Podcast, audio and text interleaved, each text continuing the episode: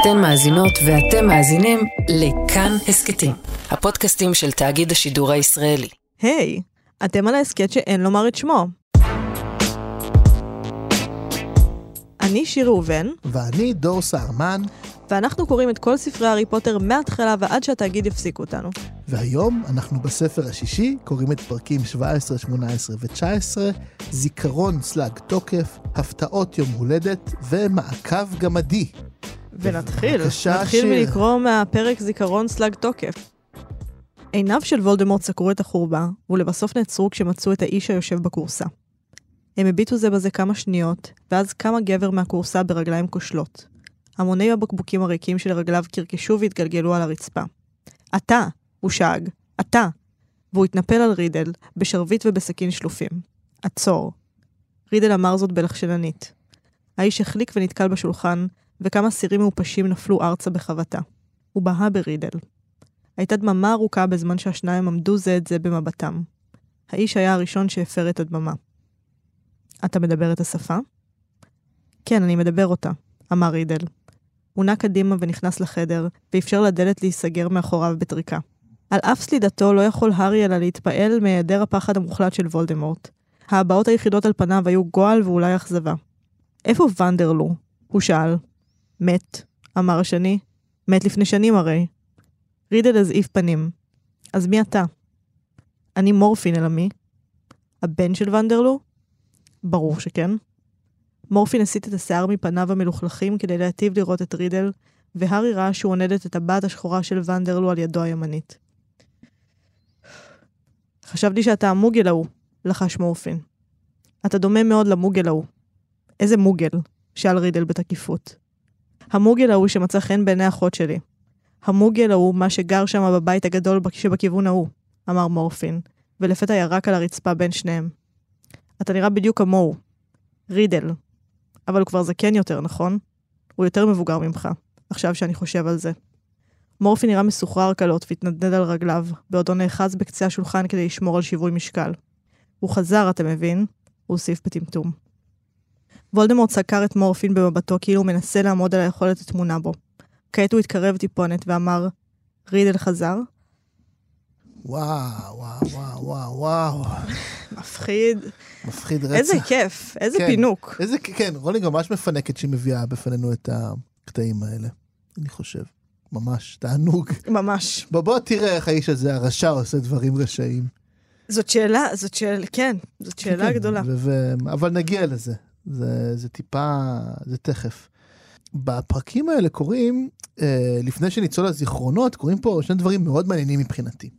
האחד, זה הפרקים האלה מציפים באמת, וזה התחיל עוד אגב בפרק הקודם, דיברנו על זה, על החששות של הארי, של מה יקרה לחבורה שלו, ובאמת, אנחנו רואים שהחבורה הזו מתחילה להתפרק. עכשיו, הארי פוטר, אגב, הוא בעיניי ספר פנטזיה, לא כי יש בו אה, קוסמים ומכשפים ודרקונים וזה, זה ספר פנטזיה, כי בסוף, בסוף, בסוף, ספוילר, הוא טוען שאנשים שבילית איתם מגיל 11 עד 17 יישארו החברים והמשפחה שלך לכל החיים. כן. שזה פנטזיה מדהימה, אני לא מכיר כאילו דבר כזה. זה לא פנטזיה, זה סיוט.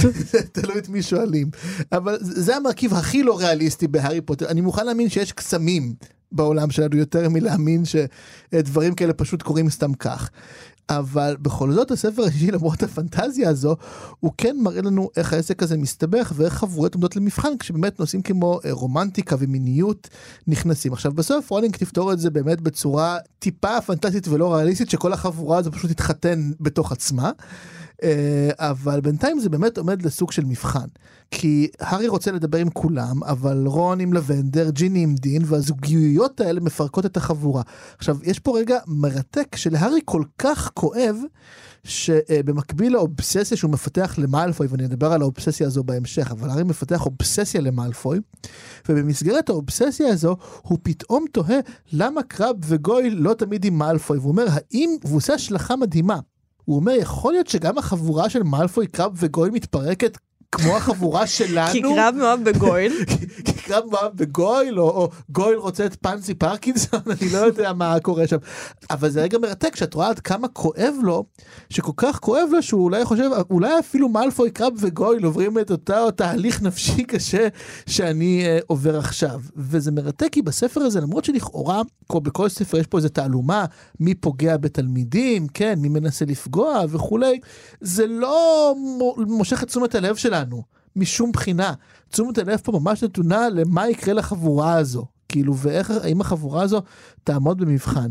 עכשיו, זה פשוט מעניין, כי הצד השני שהופכי לזה רגע לפני שנכנסים באמת לתוך הזיכרונות, זה בשאלה שעולה כבר מהשיחה של הארי עם דמבלדור, שזה מוזכר לשנייה, אבל אותי זה מאוד תפס בשאלה מה הופך אדם לאוכל מוות.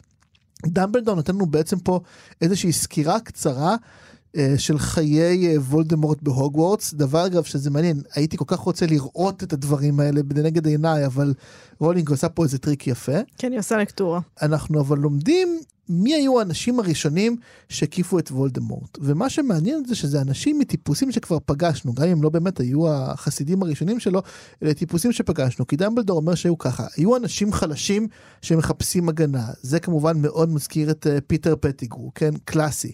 Uh, דמבלדור מדבר על אנשים שהם חולי תהילה. שזה מאוד מזכיר לי אדם כמו לוקהארט, שאומנם היה יותר מדי מעורב בעצמו כנראה כדי ללכת אחרי וולדמורט, אבל זה סוג של טיפוס כזה שבעיקר שאלות של טוב ורע לא חשובות לו בכלל.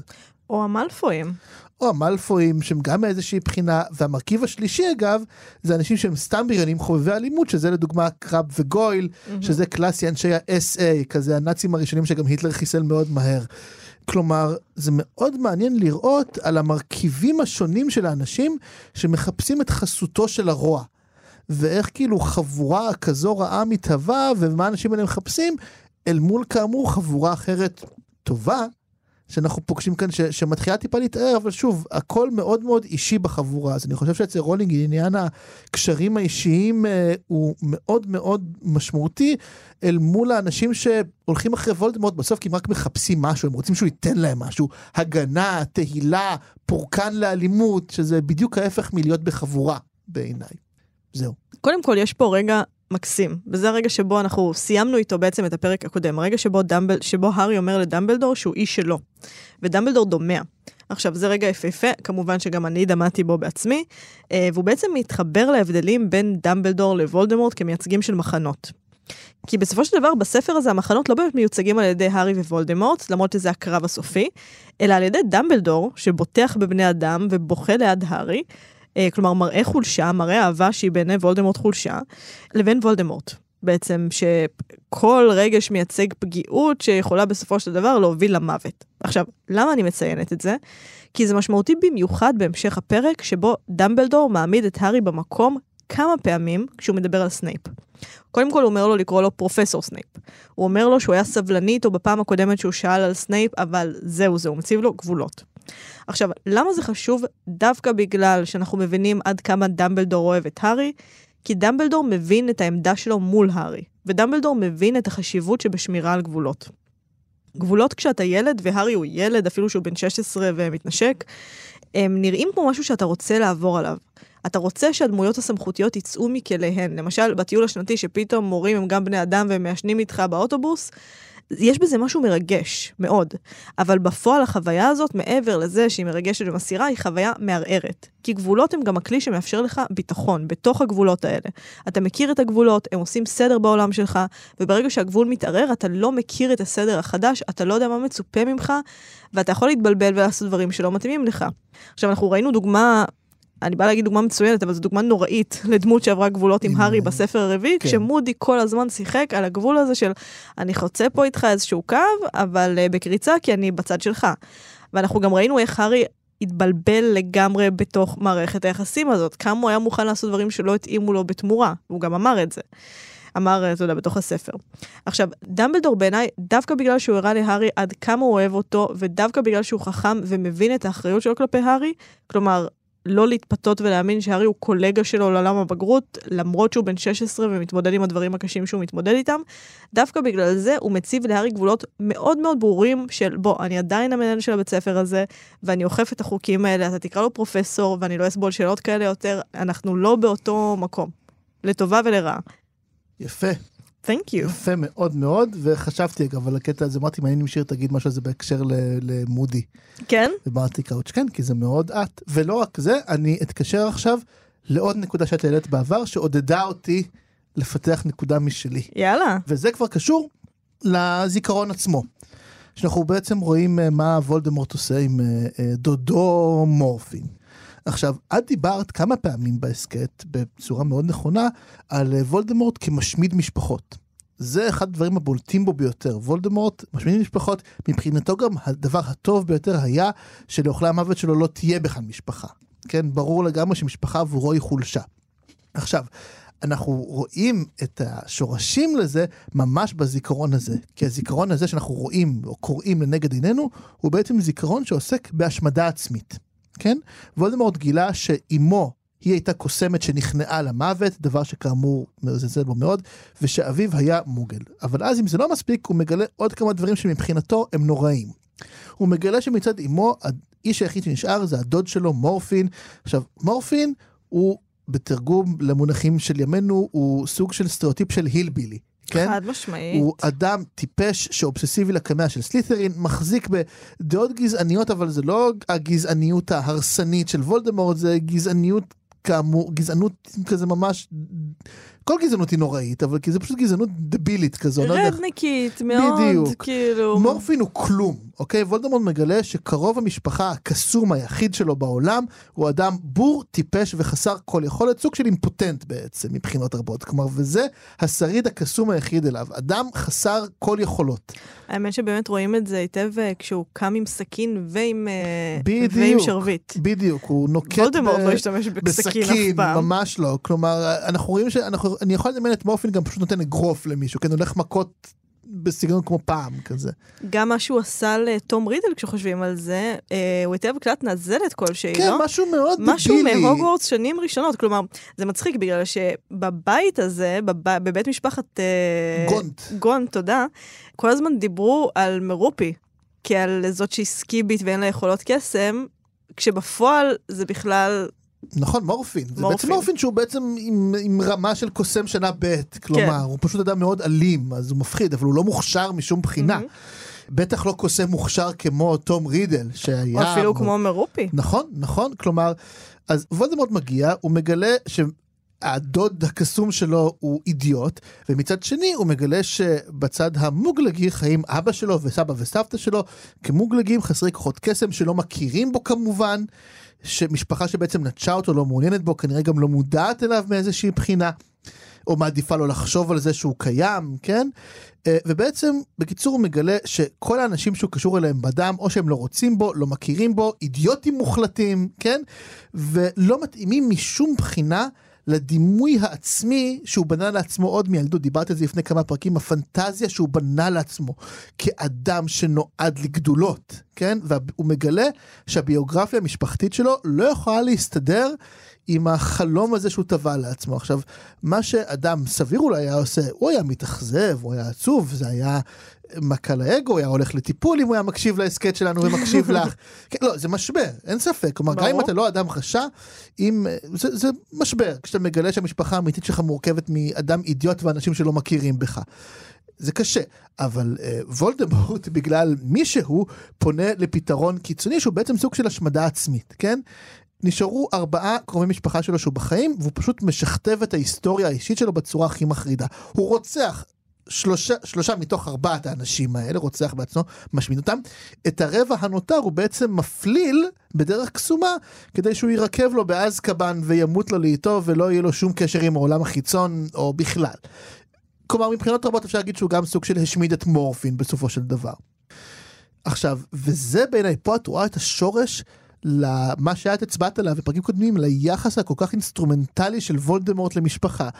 ברגע שהמשפחה שלו פשוט לא שרתה את הסיפור שלו שהוא סיפר על עצמו, הוא נפטר מהם. הוא רצח אותם, הוא הפליל אותם, הוא השתיל בהם זיכרונות, השליך לכלא, כן, כי זה פשוט לא שירת אותו באופן אישי.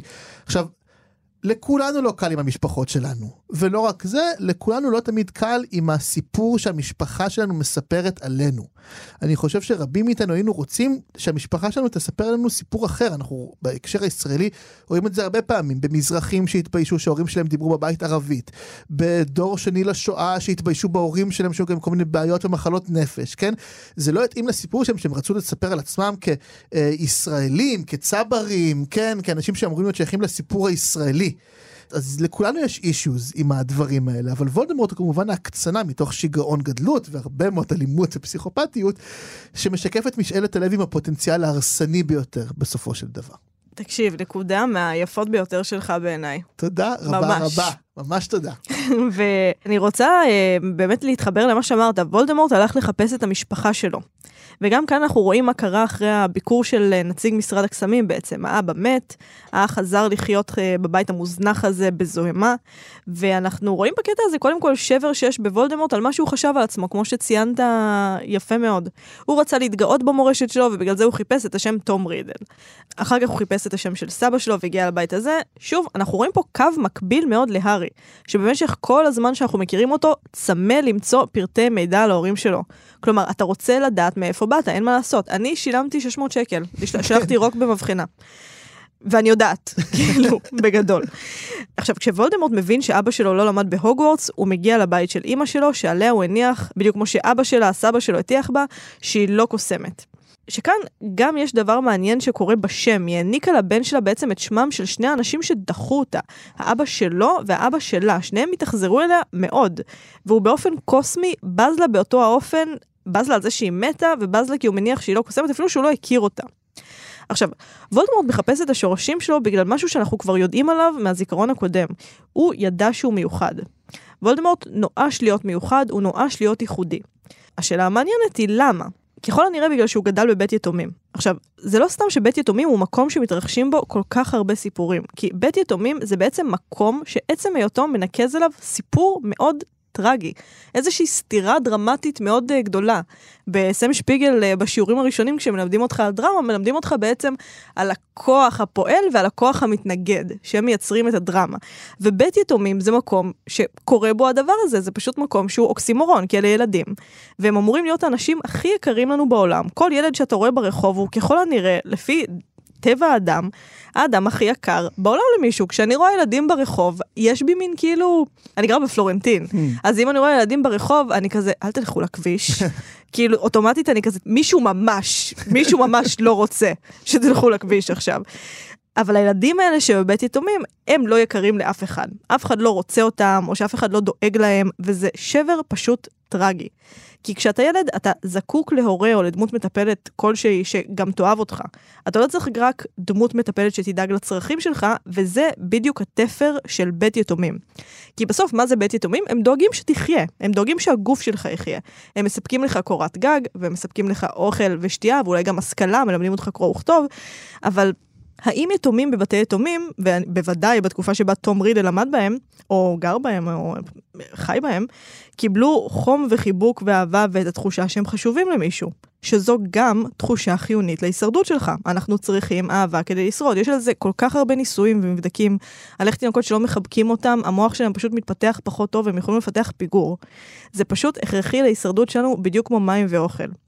אז בסופו של דבר, וולדמורט הילד, תום רידל, כדי להציל את עצמו, כדי להציל את הנפש שלו, היה צריך לתפור לעצמו סיפור. והסיפור הוא שהוא מיוחד, אוקיי? הוא שונה, הוא יותר טוב מכולם, וזה סיפור ששמר עליו.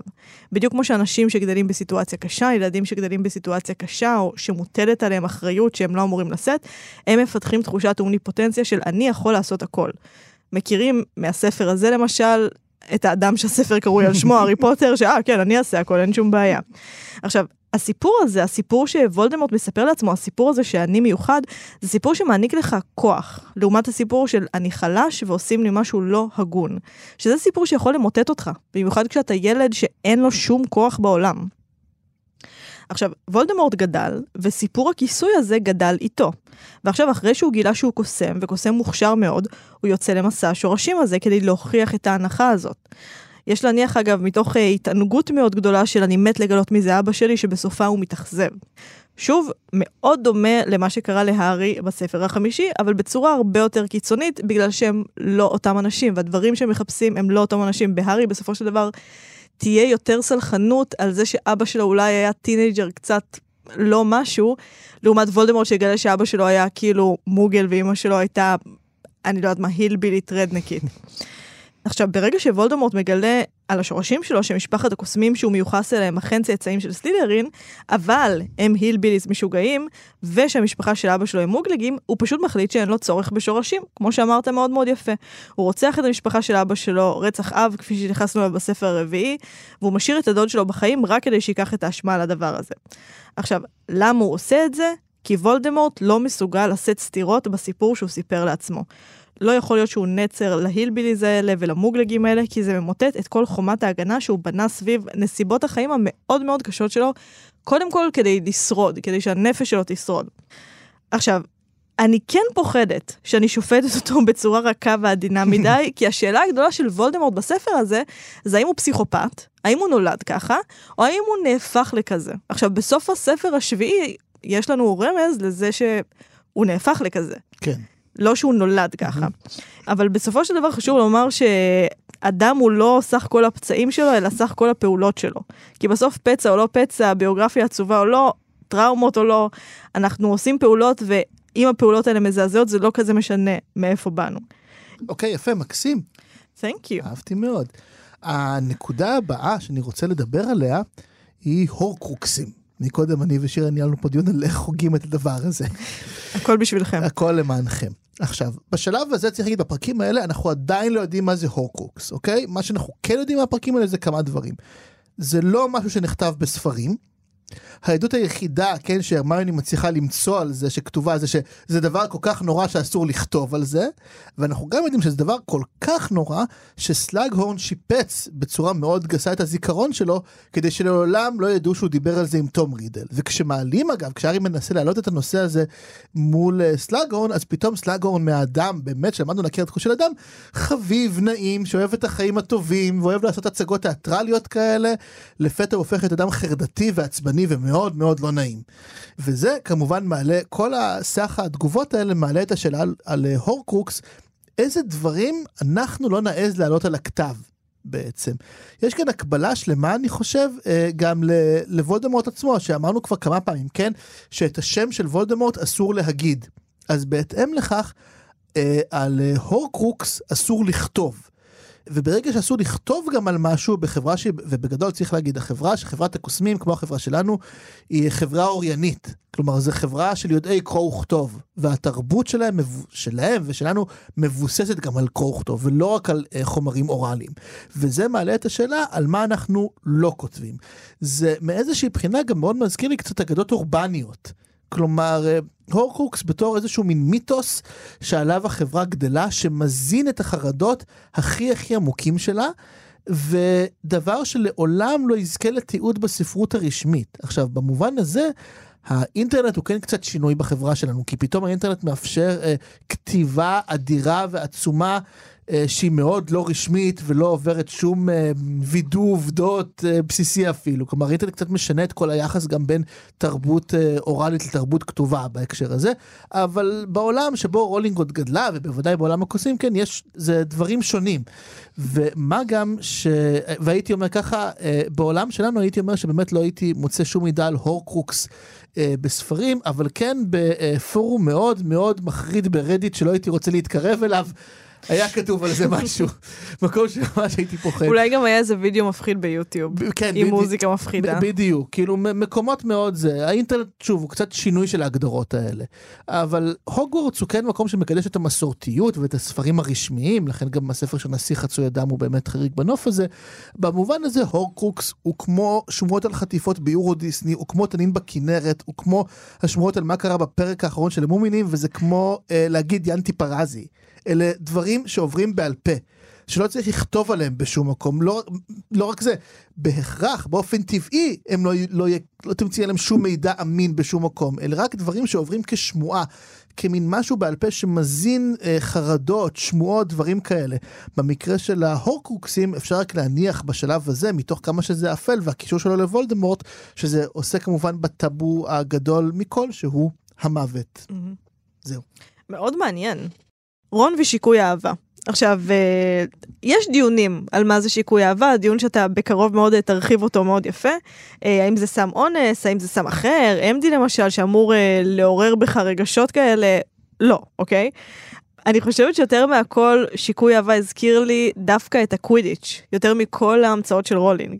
כי זאת המצאה שבעיניי אמורה להראות, במקרה של קווידיץ', עד כמה ספורט זה אקראי, כלומר, ליצור מנגנון שיחשוף לך כמה משהו שאתה רגיל אליו הוא בעצם מגוחך, רק ששיקוי אהבה אמור לעשות את זה עם התאהבות, לא עם איזשהו חומר שבאמת קיים בטבע.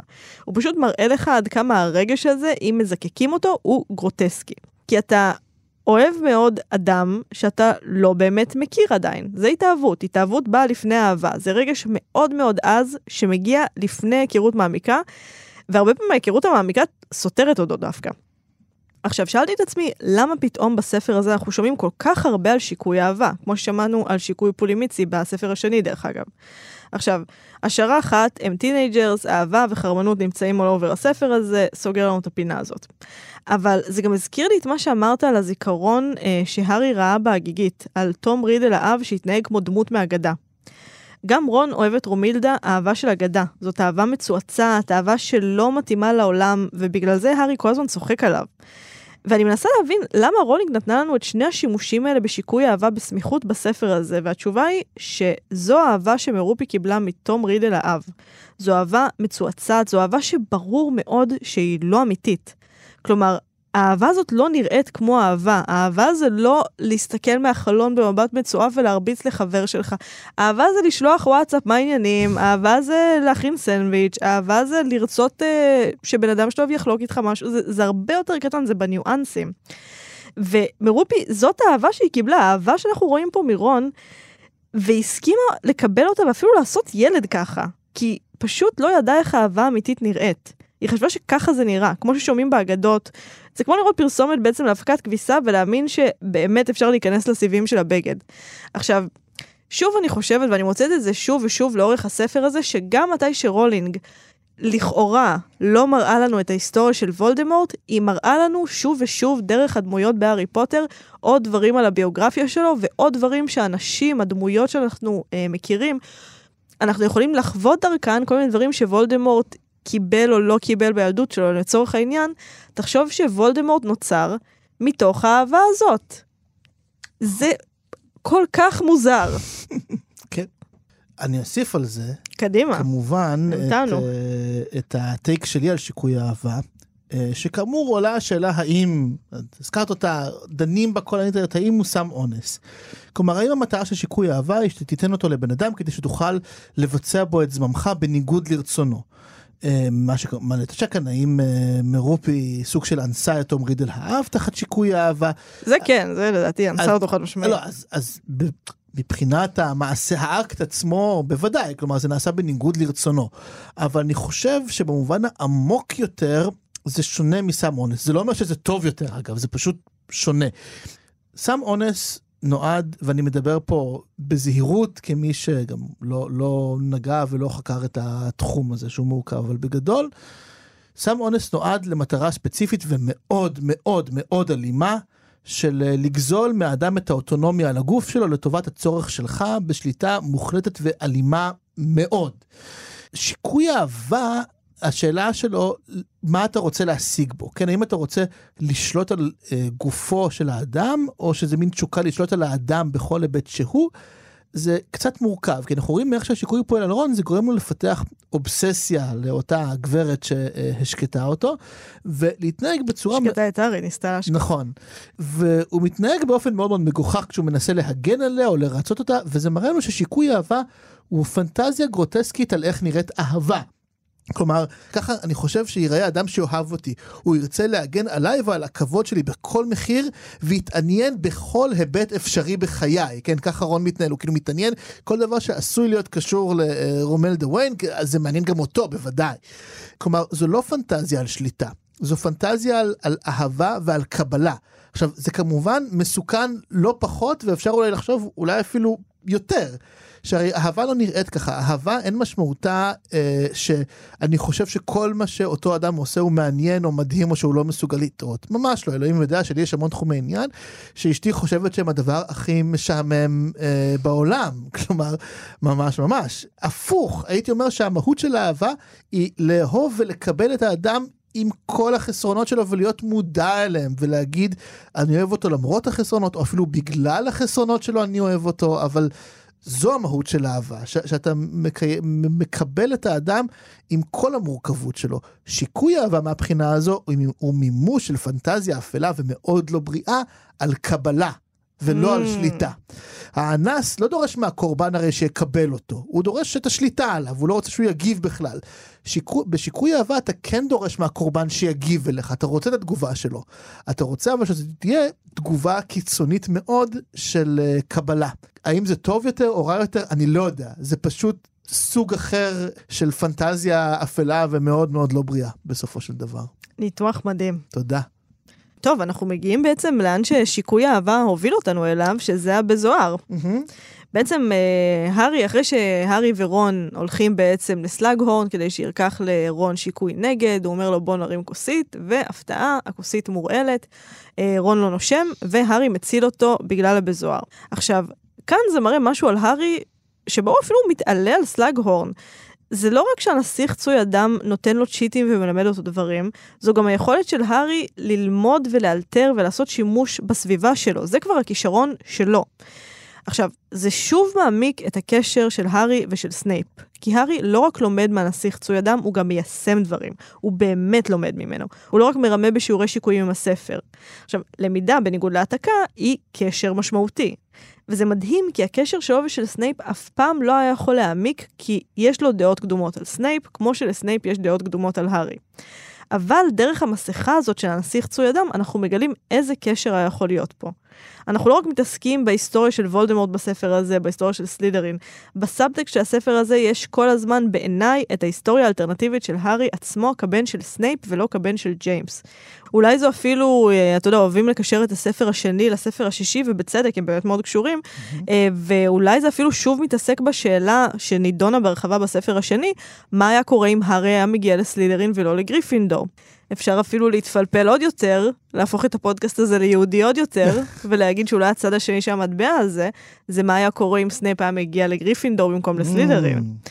עכשיו, זה לא סתם שסלאגהורן כל הזמן מציין שאימא של הארי הייתה כל כך טובה בשיקויים ושממנה הוא ירש את זה, כשבפועל הוא לומד את הכל מהספר של סנייפ. זה לא סתם שהפרקים האלה מגיעים ביחד עם וולדמורט שמחפש את אבא שלו ומחפש את השורשים האלה. הארי ווולדמורט מקבילים לאורך כל הספר הזה. וולדמורט בבית יתומים, הארי גדל בגרסה ה-90's לבית יתומים.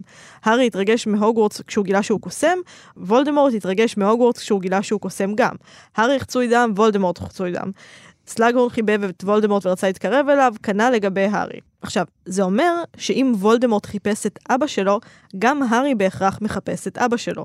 הוא מרחיק לכת כל כך עד שהוא חושב שהנסיך חצוי הדם הוא בעצם ג'יימס, למרות שהוא יודע שג'יימס היה טהור דם. עכשיו, למעשה אפשר לראות את כל סדרת ספרי הארי פוטר בעיניי, אה, כך שבכל ספר מסתמנת לנו בעצם דמות אב אחרת.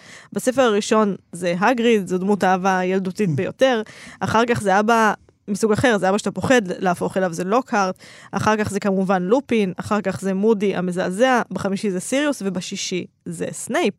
רק שסנייפ, בניגוד לכל שאר הדמויות, האב הזה מתחבא מאחורי הפסבדונים של הנסיך צוי אדם, בסוף. נכון, ויפה ומדויק. Thank you. ואני אסיים בנקודה שבעיניי עוטפת את כל הפרקים האלה, היא באה לידי שיא בסוף, אבל בכלל, בפרקים האלה, בספר הזה בכלל, והזכרתי את זה בתחילת הפרק, וזה האובססיה שהארי מפתח למאלפוי. או... עכשיו, אנחנו מגלים בפרקים האלה שזה כבר לא השאלה האם רון או הרמיוני מאמינים להארי שמאלפוי רוקח משהו. יכול להיות שהם אפילו מאמינים לו, אבל, אבל זה לא קשור לשאלה, כי הארי פשוט מפתח למאלפוי אובססיה מכלה. זה ממש מודגש גם עד כמה הקווידיץ' שלו מעניין את הארי, הוא כמעט לא חושב על זה משום בחינה. שיעורי התעתקות שהם מן המקבילה לשיעורי נהיגה, אני מניח, שמעוררים הרבה מאוד התרגשות בכולם, לא מעניינים את הארי בכלל, הוא רק מנצל אותם כדי להאזין למאלפוי, קראב וגויל. הוא מסתכל על מאלפוי כל הזמן במפת הקונדסאים, ותוהה לאיפה הוא נעלם כל הזמן, איפה הוא מסתובב, למה הוא לבד וכולי. אבל בניגוד לספרים אחרים שכל הזמן בהם אגב הארי מתקדם באיזה חקירות ועניינים, הארי לא מתקדם פה לשום מקום. הוא, הוא די נשאר באותה נקודה, אנחנו כבר באמצע הספר, והארי תקוע באותה נקודה שבה הוא חושד שמאלפוי עושה משהו ולא ברור לו מה. כלומר, הוא מניח שהוא הופך לאוכל מוות, אבל הוא לא באמת מתקדם לשום דבר בחקירה שלו, אין שום כיווני חקירה חדשים, אין שום הבנה. הוא פשוט אובססיבי בפול גז על ניוטרל לגבי מאלפוי, לפחות עד שהוא מזמין בסוף הפרק את הגמדונים שיעקבו אחריו. כבר בסוף הספר הרביעי, כשקראנו את סוף הספר הרביעי, אני ראיתי שם את השאלה, אז בעצם כשהיה ברור שוולדמורט חוזר, והיה נראה שידו של הארי על התחתונה, אז ממש בסוף מאלפוי מגיע להארי ואומר לו, אני ניסיתי להזהיר אותך פוטר. כן? ואני אז גם בהסכת ממש קראתי את זה לא בתור התגרות, אלא באמת בתור קריאה לאזהרה. כי מאלפויד בספר הראשון ניסה ליצור קשרים עם uh, הארי פוטר, ויש פה איזושהי בחינה מאוד מאוד קטנה וזהירה, אבל שקיימת שבאיזשהו מקום מאלפוי באמת דאג להארי, כשהוא הבין שאדון האופל חוזר, ווולדמורט חזר, הוא אומר, ניסיתי להזהיר אותך, עוד יש לך כאילו את הסיכוי האחרון לעבור לצד שלנו, אם אתה רוצה. ואני חושב שמה שקורה כאן זה היפוך תפקידים. כלומר, אה, אנחנו רואים שעכשיו למרות אגב שוולדמורט חזר במלוא עוצמתו, זה דווקא מעמיד את מאלפוי מאוד מאוד בנחיתות בספר השישי. אה, מאלפוי ממש לא כמו בספר הרביעי או החמישי או משהו כזה, כן? הוא בעמדת נחיתות מאוד מאוד ברורה. והארי מזהה את זה. ואני חושב שחלק מהאובססיה המכלה של הארי כלפי מאלפוי מייצגת גם פה אה, סוג של את הדאגה שיש לו כלפיו, כן? הוא לא מסוגל להפסיק לחשוב אה, עליו. וזה גם מסתדר עם האופי המאוד מיוסר של מאלפוי, אה, וזה גם מסתדר עם זה ש... שימי לב, אה, הארי פונה לקריצ'ר, ולראשונה פוקד עליו לעשות משהו, וקריצ'ר אגב הוא גמד שאוהב ומאוד דואג למאלפואים, עד כדי כך שהוא אפילו הסגיר מולם את הסוד על סיריוס בסופו של דבר. הוא גם אמר להם שהם, הוא אומר להארי, הייתי מעדיף להיות, להיות הגמדון של המאלפואים. כלומר, אנחנו יודעים שקריצ'ר באמת דואג למאלפוי, ובאמת אוהב את מאלפוי ומעריך אותו מאיזושהי בחינה, ועכשיו... אפשר להגיד שזה פשוט פתרון, כן? כי קריצ'ר חייב לעשות את מה שהארי יגיד לו, אבל הארי יכול לבקש אגב מדובי לבדו, ודובי עושה את זה בשמחה ובלי בעיה ובלי לשאול שאלות ובכיף.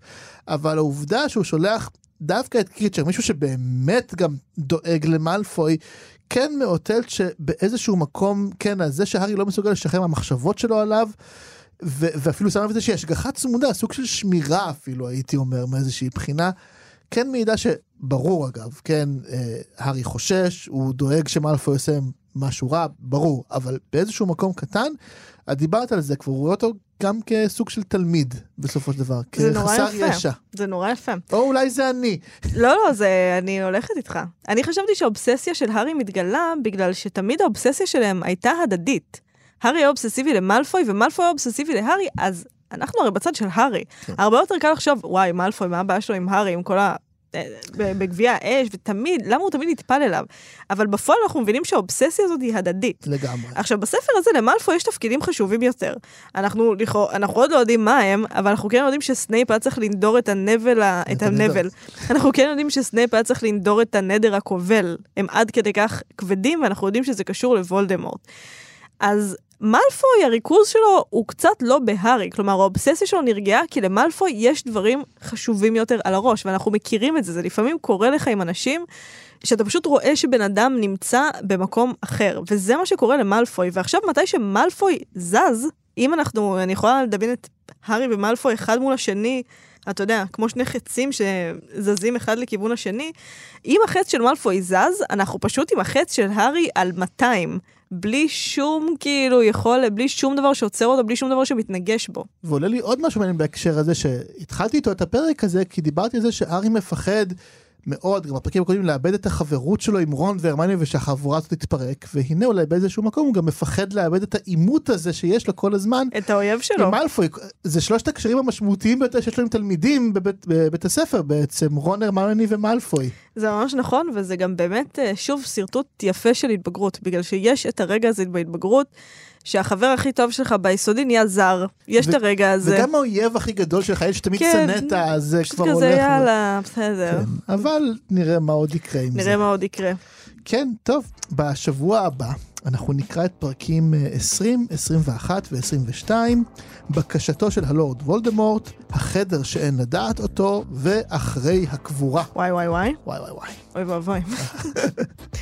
אפשר להזין לנו באתר כאן ובכל אפליקציות ההסכתים. אפשר גם לדרג אותנו בכל אפליקציות ההסכתים. אני לא יודעת אם בכולם בעצם, אבל definitely אפשר ב Spotify וב Apple Music, ובבקשה תעשו את זה, אנחנו מאוד מאוד נשמח.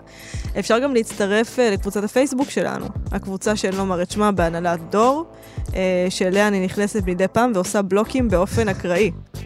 טוב, תודה רבה דור. תודה רבה שיר. ואני רוצה לומר תודה רבה גם לניר גורלי שהפיק אותנו ולדניאל מאואר שערכה אותנו. תודה.